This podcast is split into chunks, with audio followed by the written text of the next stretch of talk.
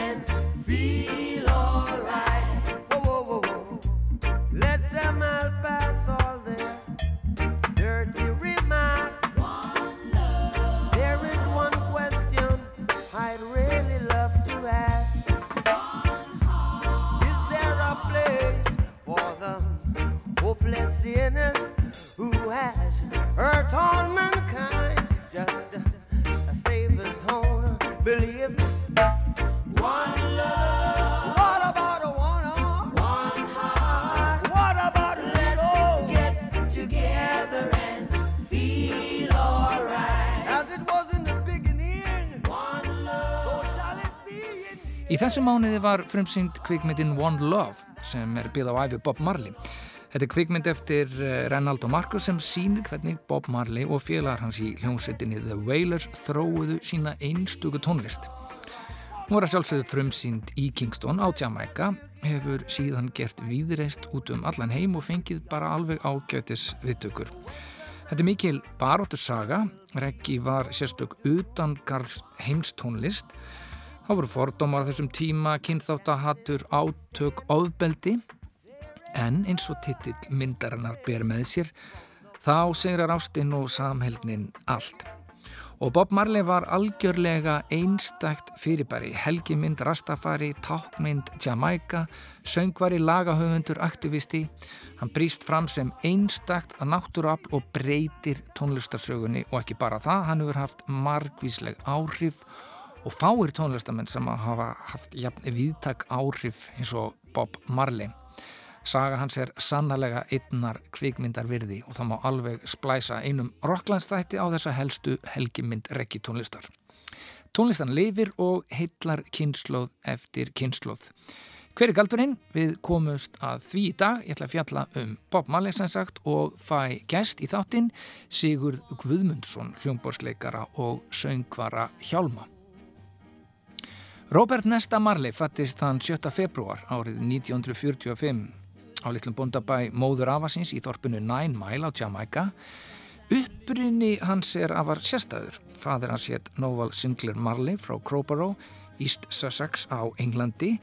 Gýðingur af sírlenskum uppbrunna, breskur sjóganguliði sem rak á fjöru Jamaica og hófa vinna þar við ímistörf var um tíma plantegru stjóri og þar kynist hann Setelu Malcolm og saman búa þau til lítinn dreng sem nefndur er Nesta Robert Marley.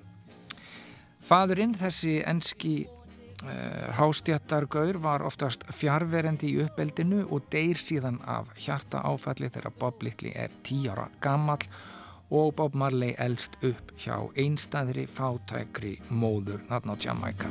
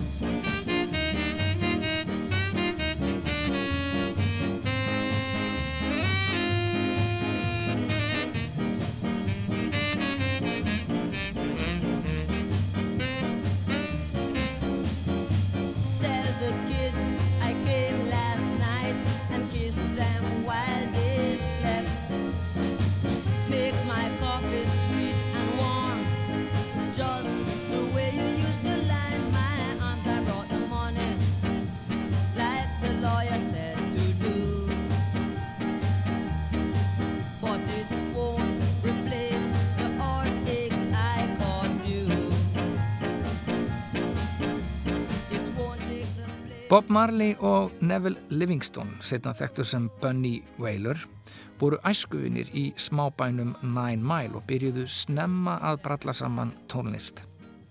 Þegar Marley fjölskyldan fluttist úr sveitinni til Transtown Kingston þegar Bob var 12 ára kammar þá flutti Bunny vinnur hans og fjölskylda með þeim Og þessir uppeldis og fósbræður skelltu sér á kaf í nýjustu skabilgjuna og lágu yfir nýri rocktónlist sem bast yfir hafið með útafsbilgjum. Bob og Bunny stopnaði lítið söngtrjó á samt Peter Tosh og lágu yfir rattsetningum og söng en fóru fljótlega að læra á hljóðfæri til þess að stækka örlítið hljóðheiminn. Og í februar 1962 pantar hinn ungi framsækni Bob Marley sér tíma í federal hljóðverinu undir stjórn Leslie Conn og hljóðrittar fjögur lög Judge Not, One Cup of Coffee, Do You Still Love Me Laugin koma út á lítilli plötu undir dullnefnunu Bobby Martell en vekur fremur litla aðtegli.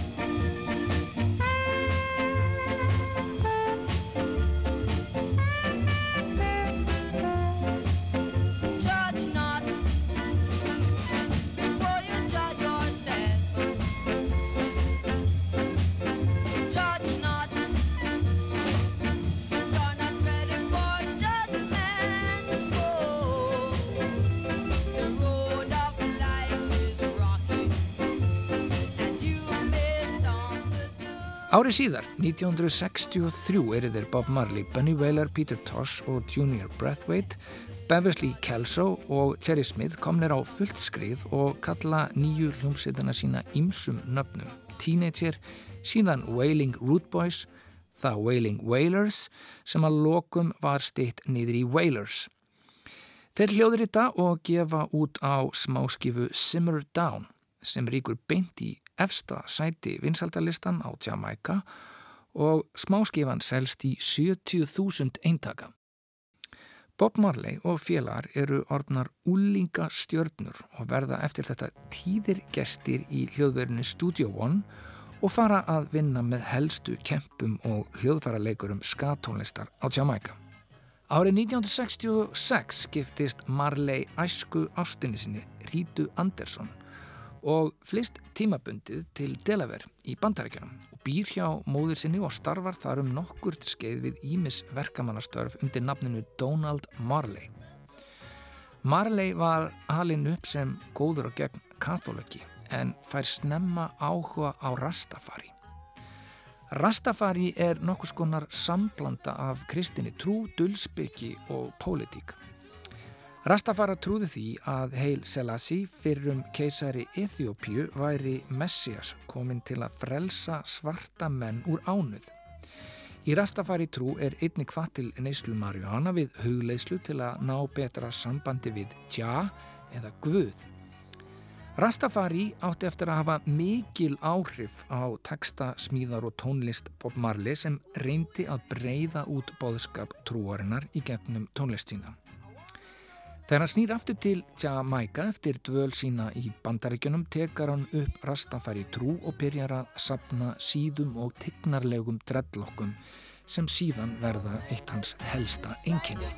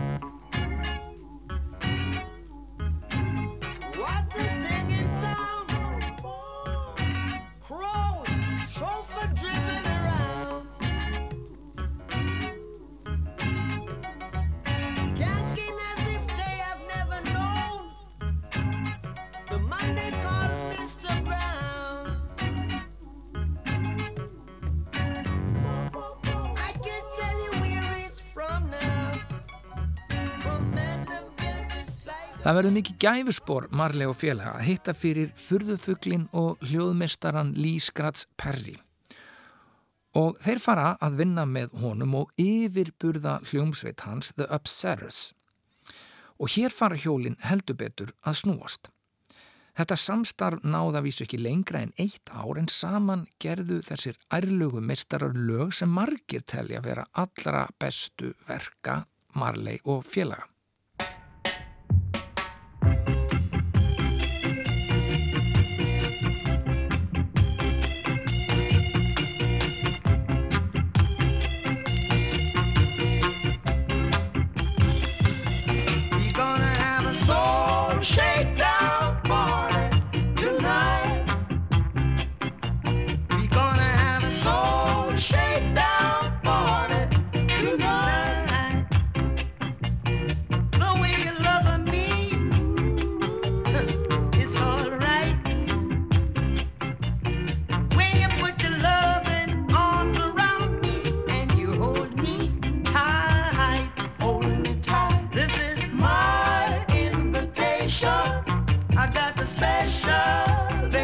I need your concentration just to feel your vibration. at that soul shake.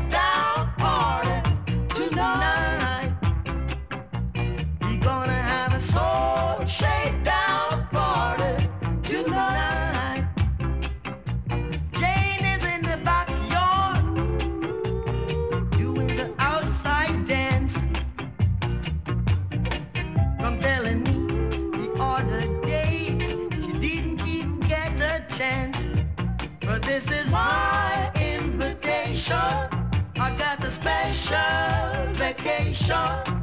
I need your concentration.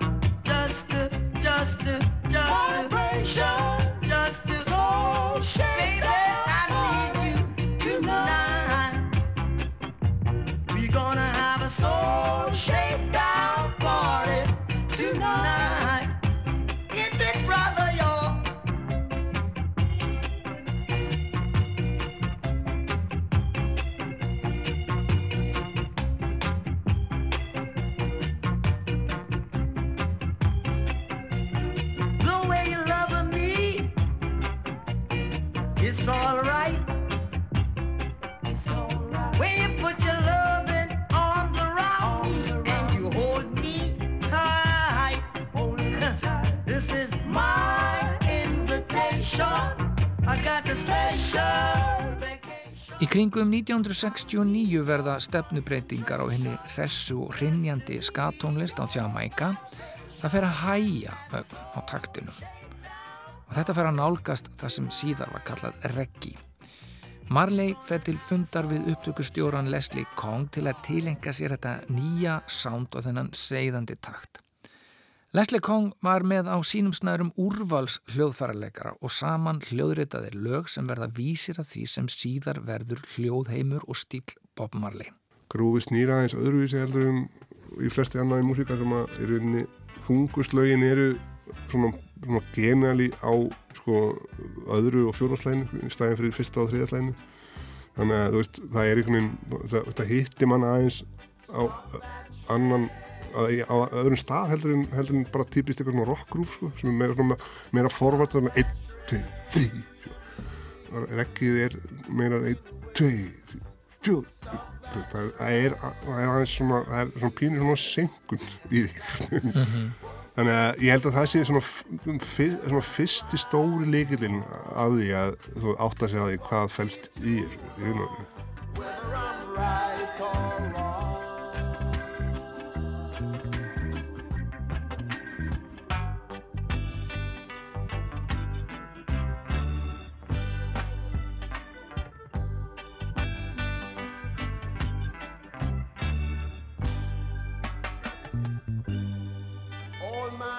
life, I've been a lonely man.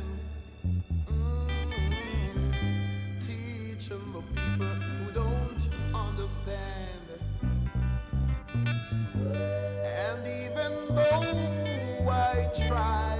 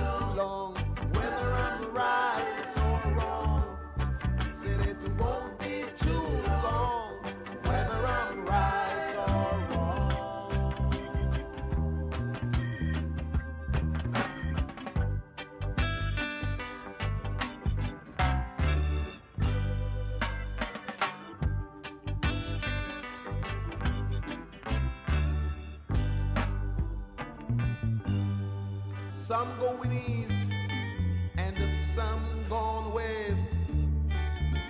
Some stand aside to try their best. Some living big, but the most is living small. They just can't even find no food at all. I mean, starving.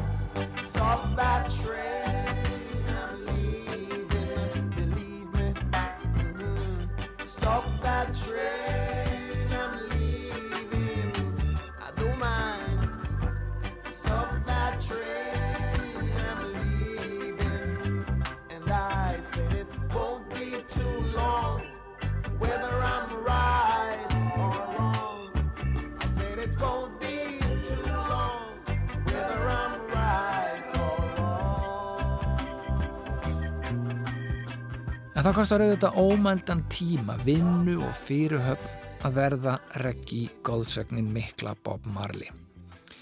Í heil fjögur ár frá 1968 til 1972 strítar Bob Marley á samt eiginkonu sinni Ríti sem er ekki bara margara barna móðir heldur líka helsta bakröðin hans og svo félagarnir Peter Toss og Bunny Wailer við að spila, semja og æfa upp pröfu upptökur hjá Chat Records og vinna jöfnum höndum á Jamaica og í London þar sem þeir dveljast um tíma og leita nýra tækifæra.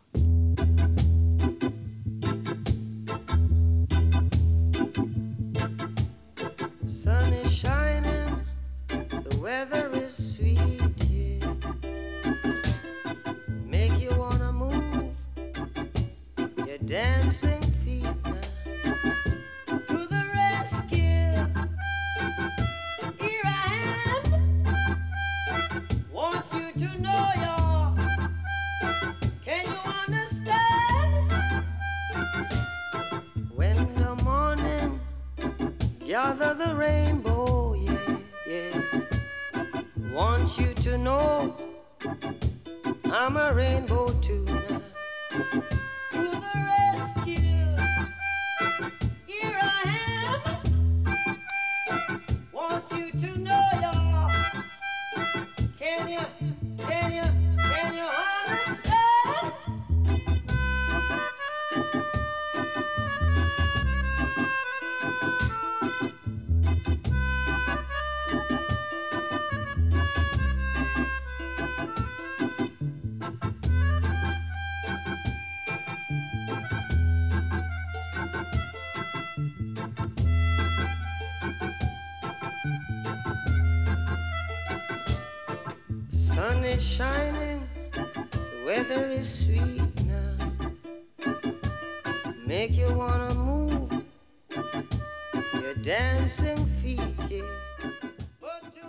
Árið 1972 verða strömmkverf á ferli Bob Marley þegar hann undirritar sanning við CBS Records í London og fer á tónleikaferðalag um Breitland á samt sólsöngvaranum Johnny Nass.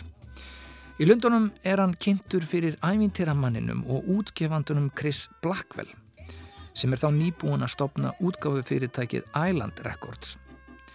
Þessi fundur og síðar samstarf reynist mikið gæfuspor. Bob Marley og félagar hans áttu fyrst erfitt með að treysta fjegráðum og slótugum útgefundum en það höfðu margir þeldökkir tónlistamenn verið sviknir um ímis kaup, kjör og réttindi í tónlistabranstanum og þeir áttu því erfitt með að treysta þessum hávaksna kvíta yfirstjætta pjessa Chris Blackwell þótt hann væri uppalinn á Jamaica og forfallin reggi aðdáðandi. Hann var á höttunum eftir nýri stjörnu eftir að Jimmy Cliff sleitt samningum við hann og sá strax að Bob Marley væri rísandi stjarnar. Hann býður Bob Marley og hljómsett hans The Wailers samning og fjögur þúsund pund í fyrirframkreðslu sem þótti afar velbóðið jafnil glæfralegt fyrir óþekta og sérkennilega hljómsett á þeim tíma. Reggi tónlist var nefnilega á þessum tíma, já, sérkennileg tónlist, heimstónlist, jaðartónlist sem einungis afmarkaður hópur þeldöks fólks að karabiskum uppruna hlustað á.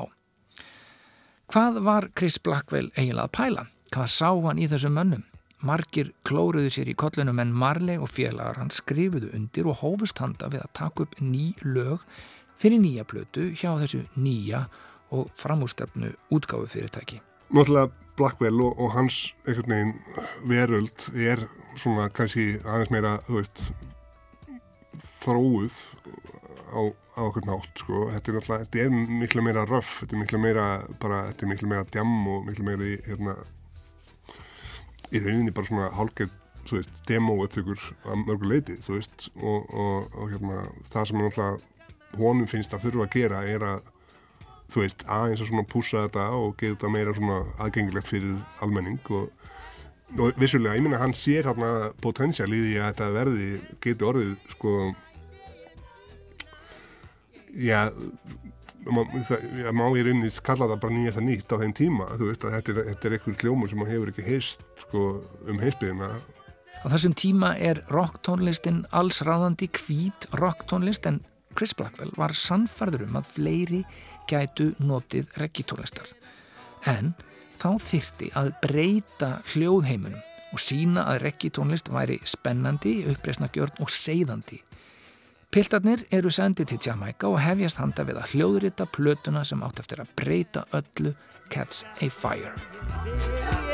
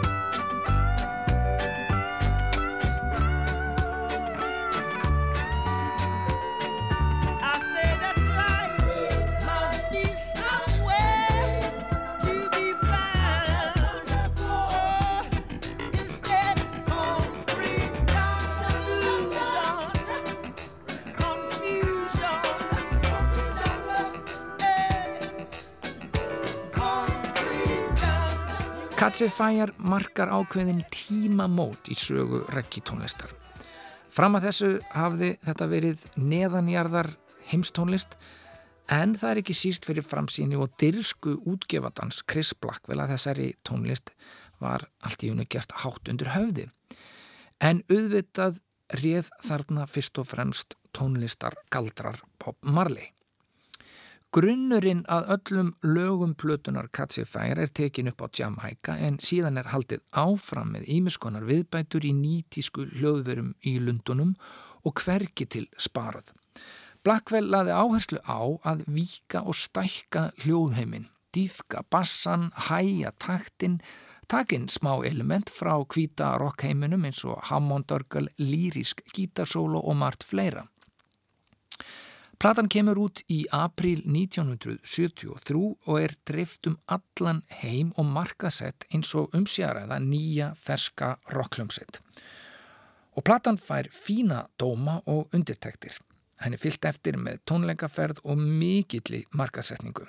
þegar kemur að svona músík sem er að í grunninn frekar einföld músík, þú veist uh, þá held ég að intakið og, og veist, uppbrunnin og, og hvaðan þetta sprettur, hvaðan lögin spretta skipti mest máli, það, það er alltaf það sem að hittir fólki hjarta þá, þú veist að, að þú veist, þannig er hann bara hérna, svonur einstara móður, móður þú veist uh, og mamma sé bara ein með hann hérna í gettóinu í, í Kingston og, og hérna, þetta er bara, bara fátæklingur sem hann bara hittir á hittir á eitthvað, þú veist, þannig sko. Þannig að, þú veist, ég held að eins og með alla góða músika að hérna, þú veist ef, ef þú hefur eitthvað að segja í henni þá hérna, held ég að fólk skilji það alveg hvort sem að skilji tungumálið eða ekki sko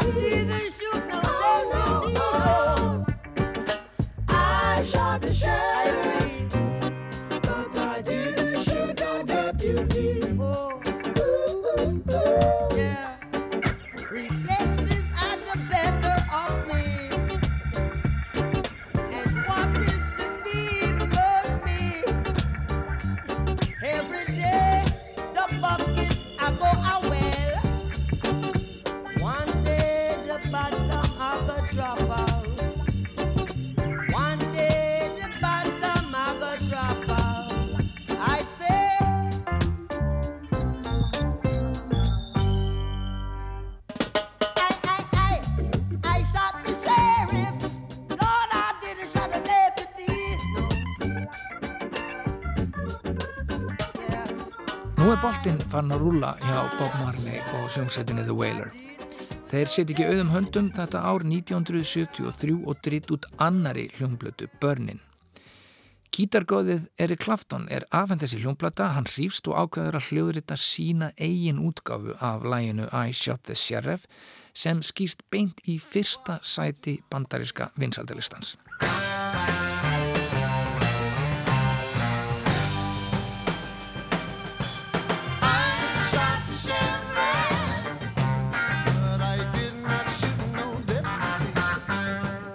Þetta er óvænt og mikilvægt.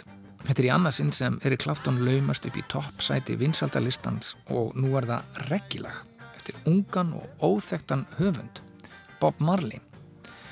Þetta vekur ómælda aðtikli og allra augu og eiru fara beinast að þessum spennandi tónlistamanni og þessum seiðandi takti reggíinu. Á hljómplutunni Börnin er tónlistin orðin hægari, tíbri og svona meira funky. Tekstarnir eru líka orðnir kvassari og pólitískari en áður þekktist og eiru heimsbyggðarinnar sperrast upp. Heimafyrir á Jamaica veldur fólk vöngum yfir þessari stefnibreitingu og finnst efnil Bob Marley reyna að færa sér nær hinnum kvíta rockheimi en hvað sem öðru líður þá dilst engum að börnin er mikið mistaraverk. Þetta er fjórða plata Bob Marley and the Wailers. Þetta er önnur platan fyrir Island útgáfuna og kemur út aðeins sex mánuðum eftir Cuts a Fire. Það er mikill hraði og mikið að gera og að þeim sögum er farið inn í gemslu og nokkur gömu lög eins og Put It On, Small X og fleiri lög endur hljóðrituð. Það er meining í tekstónum, höfundunum liggur eitthvað að hjarta, lögin eru ákallum breytingar, uppreist, jafnvel byltingu.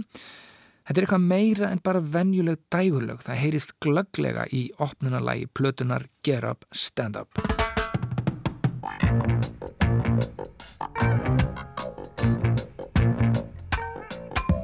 Get up, stand up. Stand up for your right.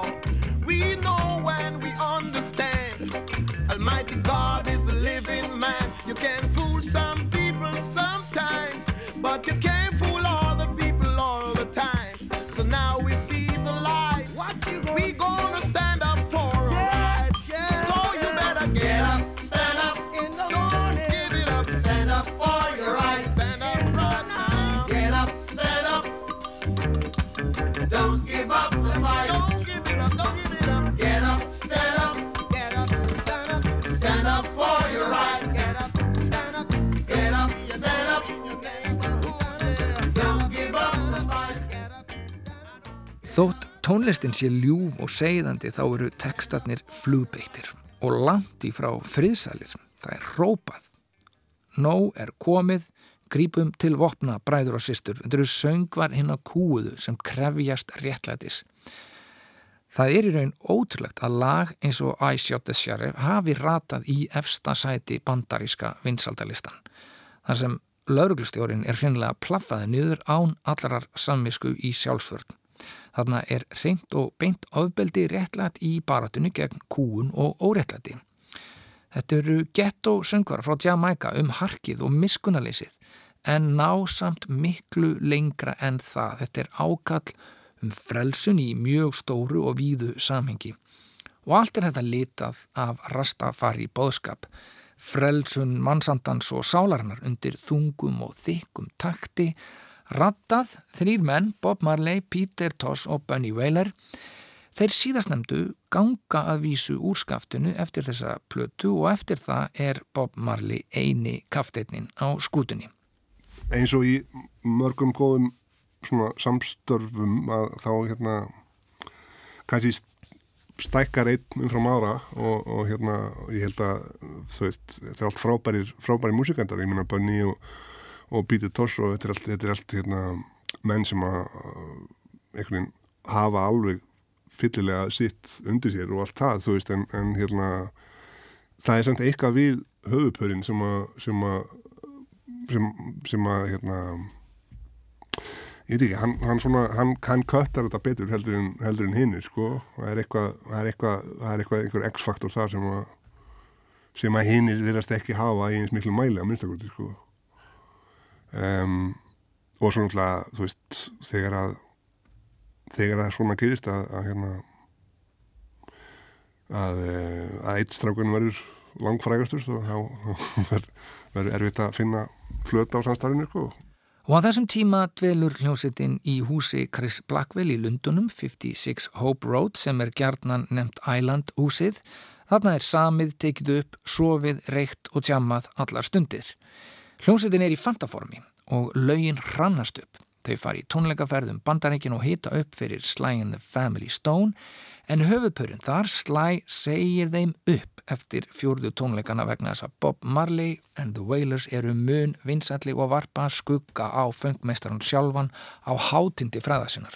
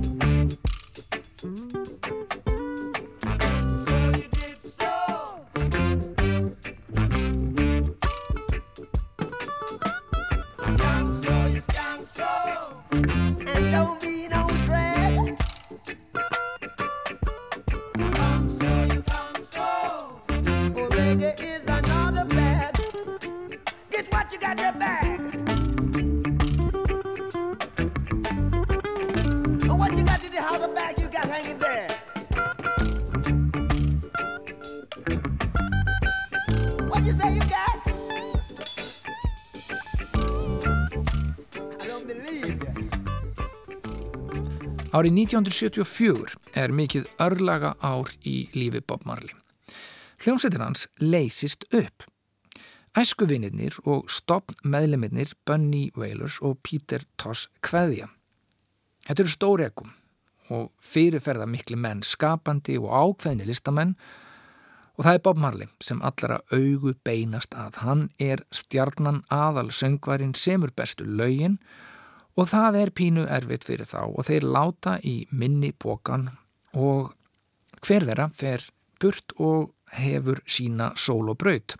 Marley ákveði samt að halda í veilarsnafnið, hann hóar í nýtt band, rithmabarið á trommur og bassa eru þeir Charlton og Aston Family Barrett og Junior, Marvin og Al Anderson á gítara, Tyrone Downey og Earl Way Lindo á hljómborð og Alvin Secco Patterson á slagverk og síðan er það bakræta tríóið I Tree sem samastendur af Judy Mowat, Marthia Griffith og eiginkoninu Rítu Marley sem er stóð og stitta Bob Marley í gegnum allt þetta hafari.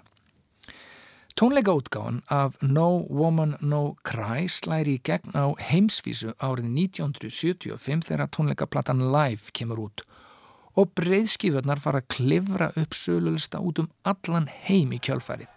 Bob Marley er orðin frægur um veröld alla.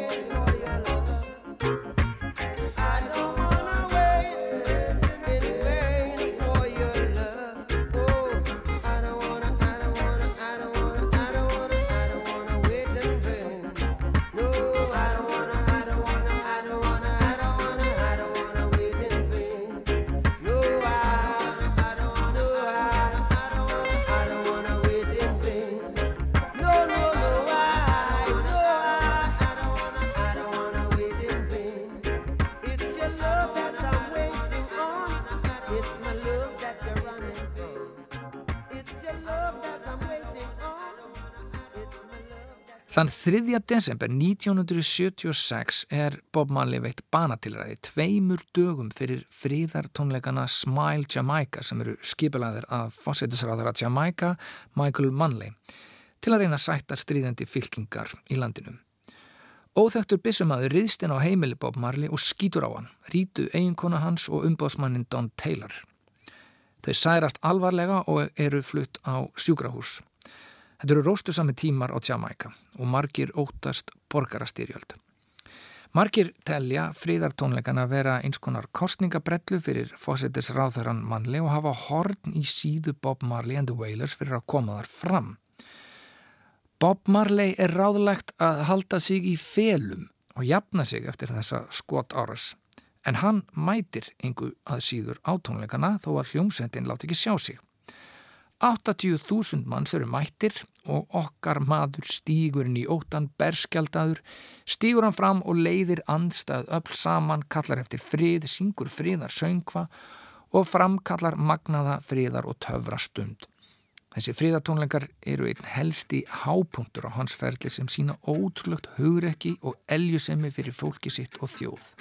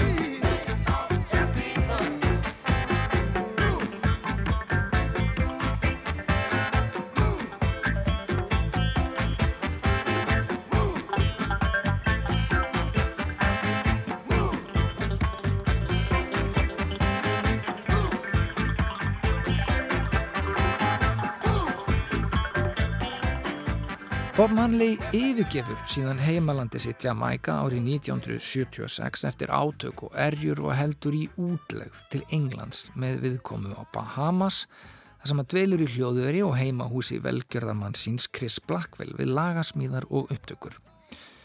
Sem verður síðan grunnurinn að tveimur mega skífum og metsölu plötum, Exodus og Kaya, sem marka kannski ákveðin hápunkt hjá Bob Marley þar sem finna má smellina Exodus, Waiting and Wayne, Jamming, One Love og fleiri lög sem verða á skömmum tíma klassískir reggi slagarar. Bob Marley eru svo margir aðrir stórir listamenn, ein stór þversögn.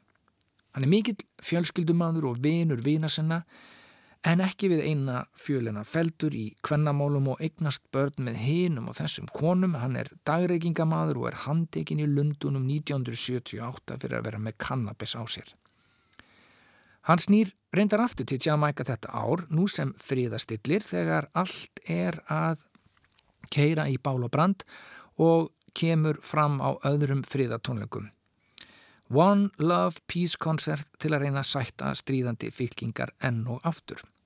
Á þessum tónleikum kallar hann fram anstæðingana Edvard Sika og Manley og lætur þá takast í hendur.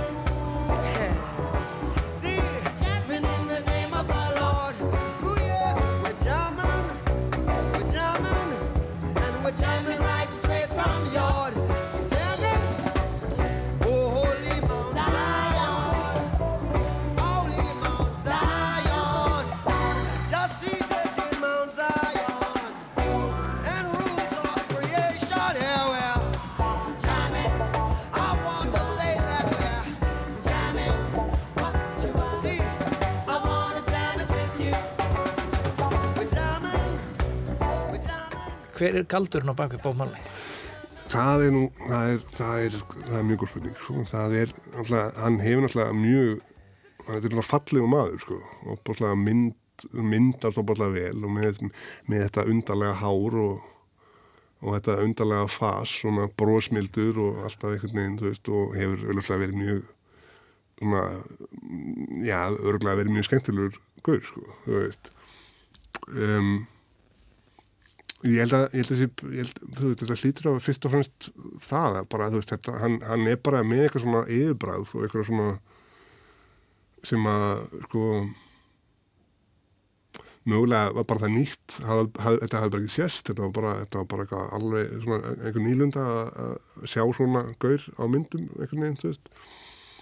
Fyrir utan það náttúrulega, fyrir utan ó- ótvíræða há- hæfileika og, og, og, og ótrúlegt magn af magna músík sem hann leikur eftir hann hann var ekki nema 30, og- hvað, 36 ára þegar hann dói eitthvað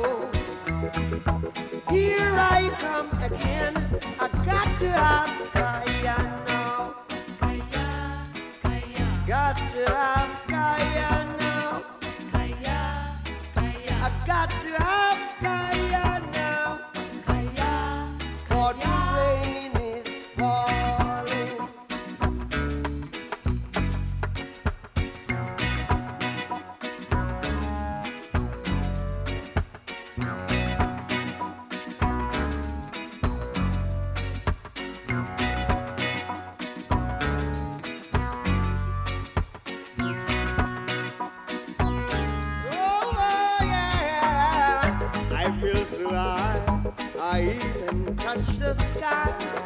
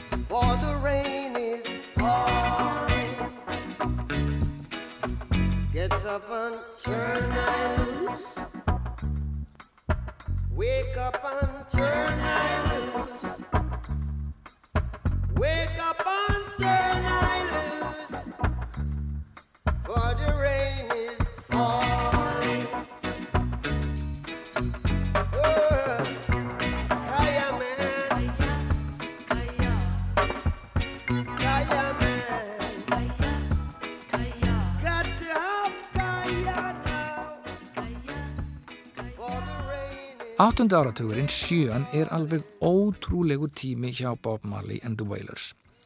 11 hljóðversplötur og fjórar tónleikaplötur. Á tvöföldu tónleikaplötunni sem kemur út árið 1978 má glögglega heyra hvers konar yfirburða hljómsett þetta var. Grúfið og öll stemningin er í einhverjum himneskum hæðum. Lögin eru eitthvað svo yfirburða og þau eru alltaf um eitthvað. Þetta eru sálmar, þetta eru baróttusöngvar. Babylon by Bus sem að er alveg stórkostleg live-plata og, og lýsandi dæmi um hversu góð hljómsið þetta var veilus á sín tíma sko. alveg ótrúlega vel sándandi og, og, og hérna og bara alveg styrla, band sko. hvað gerir þess að hljómsveit svona frábæra? Þetta er, þetta er fjölmenn hljómsveit en, eru man, það ekki þegar maður hlustar á Nei. þetta það er, það er allir einhvern veginn að passa sig að skilja eftir pláss og já, ég held að það sé, sé alveg, það, sko.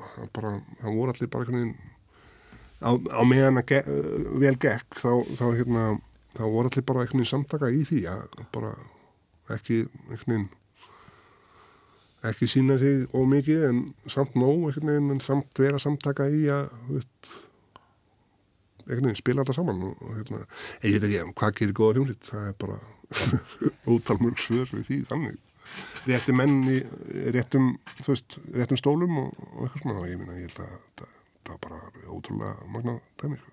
öll lögin og textar byggja á lífi hans reynslu og hugssjónum um betri heim. Og hann verður meir og meir pólitískari og sendir frá sér afar pólitíska plötu með bullandi ádilu og boðskap árið 1979 undir heitinu Survival. Og þar beinir hann spjótum sínum að Afríku og Ímsu misrætti þar. Lögin svo Zimbabwe, Afríka og Wake Up and Live sína hvar hugur marlei stendur. Afrika þarf að losna úr viðjum nýlendu hyggjunar og fátaktar og misrættis sem á rekja til nýlendu tímana. Hann grínir harðlega aðskilnaðar stefnu í Suður Afríku þegar hann kemur fram á tónleikum og syngur lagið War.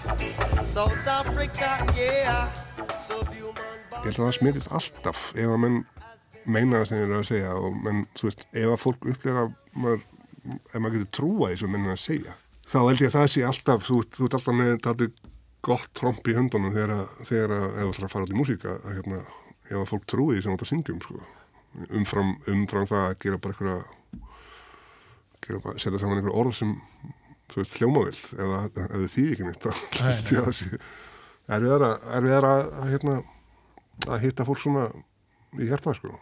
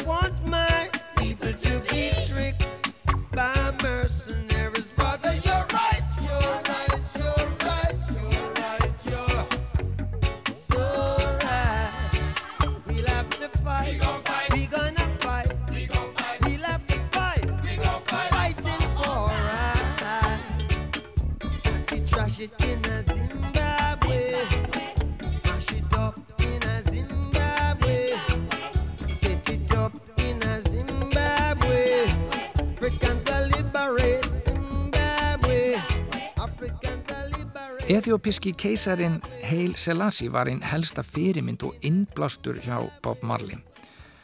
Hann er tákmynd og líkil persóna í Rastafari reyfingunni sem Marley tilherði. Allt í tónlist Bob Marley er litað af Rastafari trúabröðum. Heil Selassie var ríkistjóri Eþjópju frá 1916 til 1930 og Eþjópju keisari frá 1930 til 1974. Hann átti þátti að nútíma væða landið og var gríðarlega vinsall leiðtói bæði heima fyrir og á alþjóðavettvangi. Selassie var meðlimur ethiopísku réttrúnaðakirkjunar innan Rastafari reyfingarinnar sem var stopnuð á Jamaica snemma á fjórða áratögnum er hann talin vera Kristur endurborin. Bob Marley hlýtur skýrn hjá ethiopísku réttrúnaðakirkjunni í viðvist konu sinnar og allra barna sinna og er endur skýrður ber hann Selassie þann 4. november 1980 skömmu áður hann kveður þennan heim.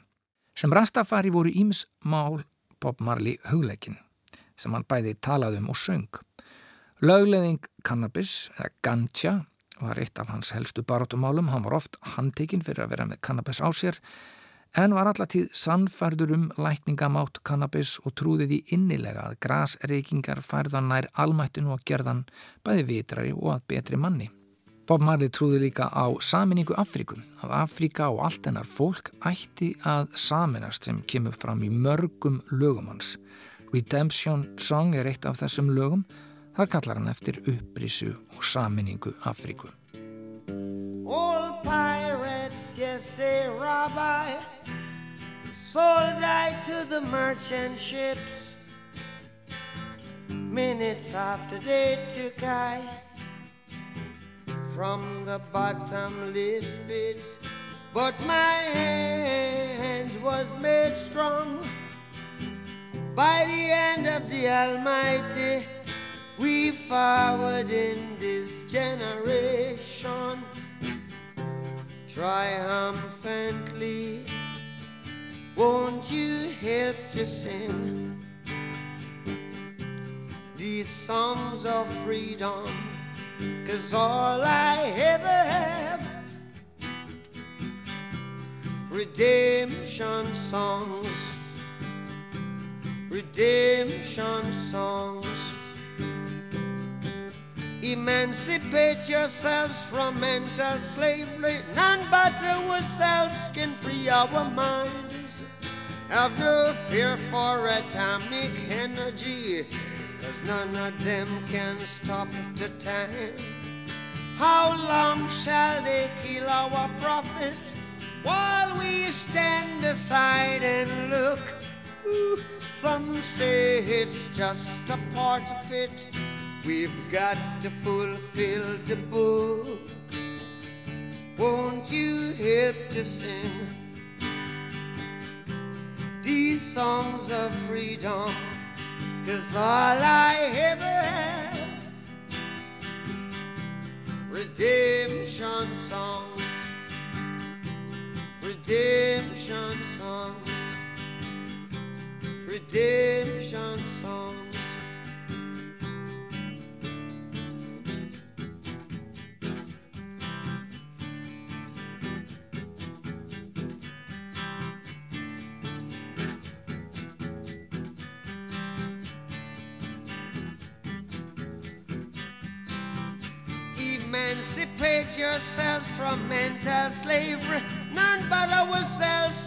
Our mind. Oh, have no fear for atomic energy, cause none of them can stop at the time. How long shall they kill our prophets while we stand aside and look? Yes, some say it's just a part of it. We've got to fulfill the book. Won't you help to sing these songs of freedom? Cause all I ever had redemption songs. All I ever had redemption songs. These songs of freedom, songs of freedom.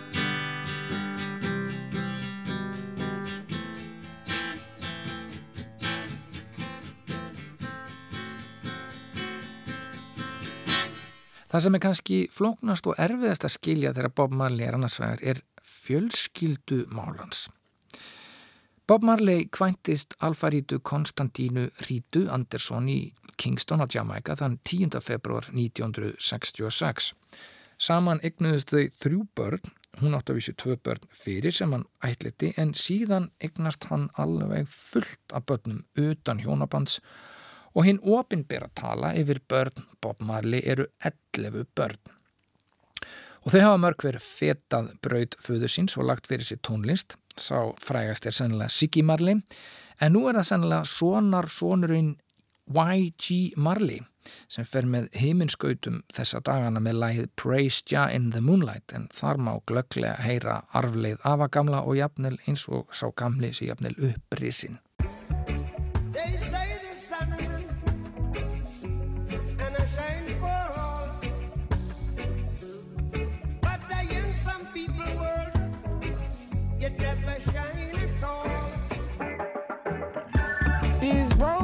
Of flames are catching a fire. Ah, showed you you, me. Oh no no no no no, baby, tell me where you gone, gone, gone. I've been feeling for your love so long. We can praise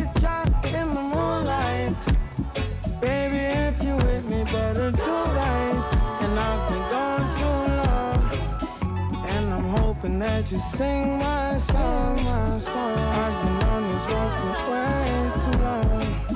I've been hoping that we all get along. These roads of flames are catching a fire. Ah, showed you I loved you, you called me a liar. Give God the thanks and praises. I've been on my own, own, own. But we ain't never left alone, long, long. And if I'm telling you the feeling is wrong, relax a little, friend, this won't take too long. And when you're feeling alone, you can call my phone. Is there a better way to go? Teach them something before they lose the song. Oh, no, no, no. Freedom is the road.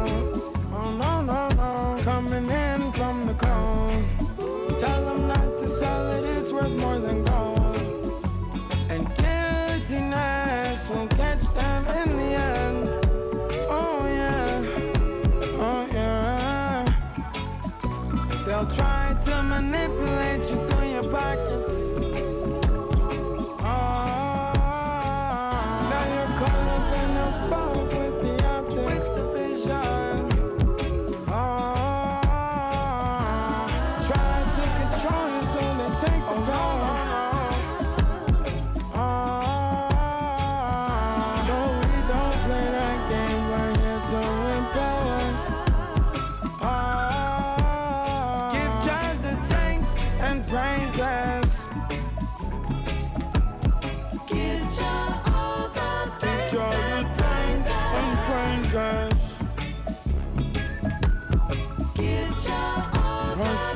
days.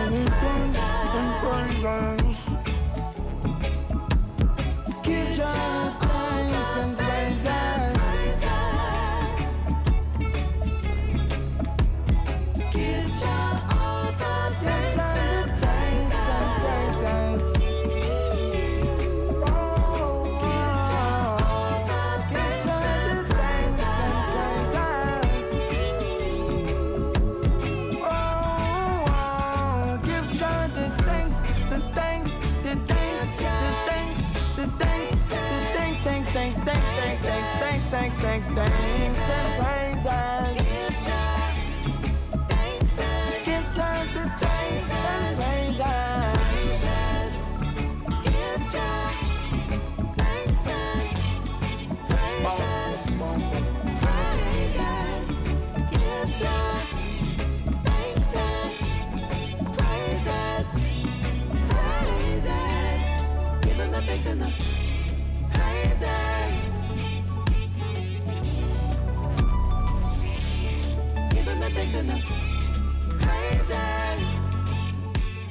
Bob Marley var allatíð farfallin fótboltaspilari og áhuga maður um knattspyrnu. Hann var ágætis leikmaður og notaði hverja stundi þess að spila fótbolta með vinni sínum á tónleikaferðum og í frítíma. Ákafur stuðningsmaður brasilíska félagsins Santos og helsta átrúna á goð hans var hinn brasilíski Pele. Á Englandi hjælt hann hins vegar með Tottenham Hann réð djamæska landslismannin Alan Cole til starfa og hafði hann með sér á öllum tónleikaferðalögum sínum. Bob Marley saði ykkur sinni, ef þú kynnast mér raunverulega þá verður þú að spila fótbolta með mér. Og á vellunum var Bob Marley frábær spilari, kappsamur og oftar en ekki ófyrleitin, gerði allt til að vinna leikin. Í júli 1977 finnst meinsemt í stóru tá Bob Marley. Þetta fær ekki alveg rétta meðhöndlun, það er mikið að gera hjá Marley og honum er mein illa við lækna. Hann hunsar öll ráð, meðal annars að fjarlæga bara tána sem hefði sennilega haft mikil áhrif á getans og fóbaltumvellunum, en sennilega bjarga lífans. Meinið dreifir sér smátt og smátt og hann fer að veikjast alvarlega. Hann er engar síður á stanslausu tónleikaferðalagi og notar hverja lausa stund til þess að hljóðrita ný lög.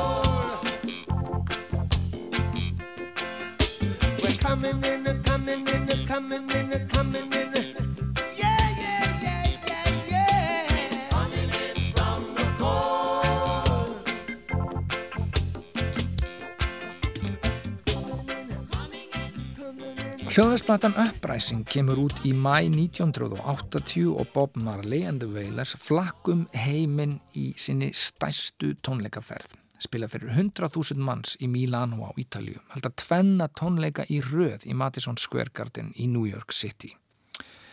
Þegar Marley er í New York nýgur hann niður þegar hann fer út að hlaupa í Central Park og er fluttur á gjörgjæslu Það sem kemur ljós að krabbaminnið sem hann hefur algjörlega hunsað hefur dreift sér í heila, lungu og lifur. Síðustu tónleikar Bob Marley and the Wailers eru á bandarækjatúrnum í Pittsburgh í Pennsylvania þann 23. september 1980. Öllum öðrum tónleikam sem eftir eru á þessari ferð er aflýst heilsu hans raka rætt og hann fer loksins í átta mánada krabbamens meðferð í Þýskalandi. Hún gengur ekki alveg sem skildi og öllum er orðið nokkuð ljóst hvert stefnir. Hann heimtar að fá að fljúa heim til Jamaica og fá að kveðja landi sitt, fólki sitt, en nærði ekki. Hann millilendir í Flórida og þá er hann fluttur á gjörgjæslu eftir erfitt áttatíma flug. Á sjúkrahúsi í Flórida er Bob Marley allur. Hann lest þann 11. mæ 1981 einungis 36 ára gamall. Andláts orð hans mælir hann til sonar sín Siggy Marley On your way up, take me up On your way down, don't let me down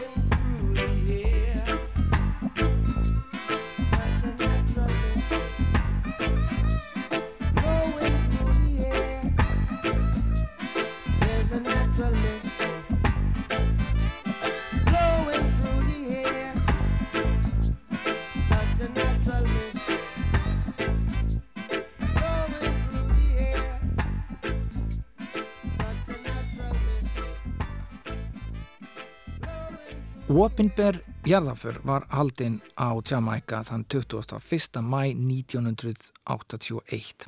Allt í anda Rastafari og það er líst yfir þjóðarsorg.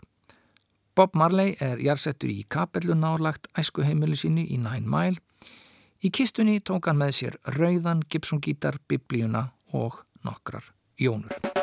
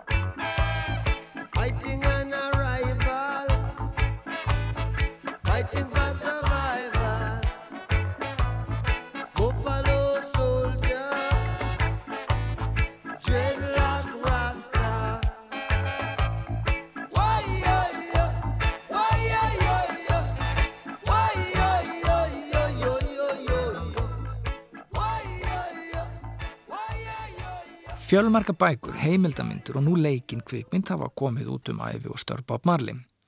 Saplandan The Legend sem kom út árið 1984 er mest selda rekkiplata og einn söluhæsta plata heims. Hljónblötu Bob Marley hafa selst yfir 75 miljónir eintaka. Bob Marley er góðsögn, einn helsta helgimind í dægurmenningu 20. aldarinnar. Árif hans ná út um allan heim Hann er tákmynd fyrir fríð og ást en líka uppreist baróttu, flókin og gerðnan miskilin ímynd. Í æsku var Bob Marley nefnilega fátakur, uppreistna gerð gett og gaur sem dreymdi bara um að vera svo tjekku vera og hengd upp myndir af svörtu hléborðunum upp á vegg heima hjá sér. Ímynd hans er gerðnan þessi fríðelskandi, síreikjandi og góðhjartaði maður, one love og allt það en í raun var Bob Marley harður nagli dugnaðar forkur og vildi berjast fyrir réttlæti sama hvaða kostaði. Já, hann var eins og margt gott fólk, þversagnakendur en algjörlega magnaður tónlistamöður.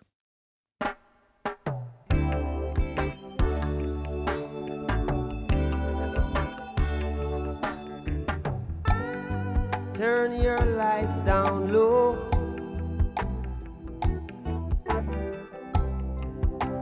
And pull your window curtains. Oh, let your moon come shining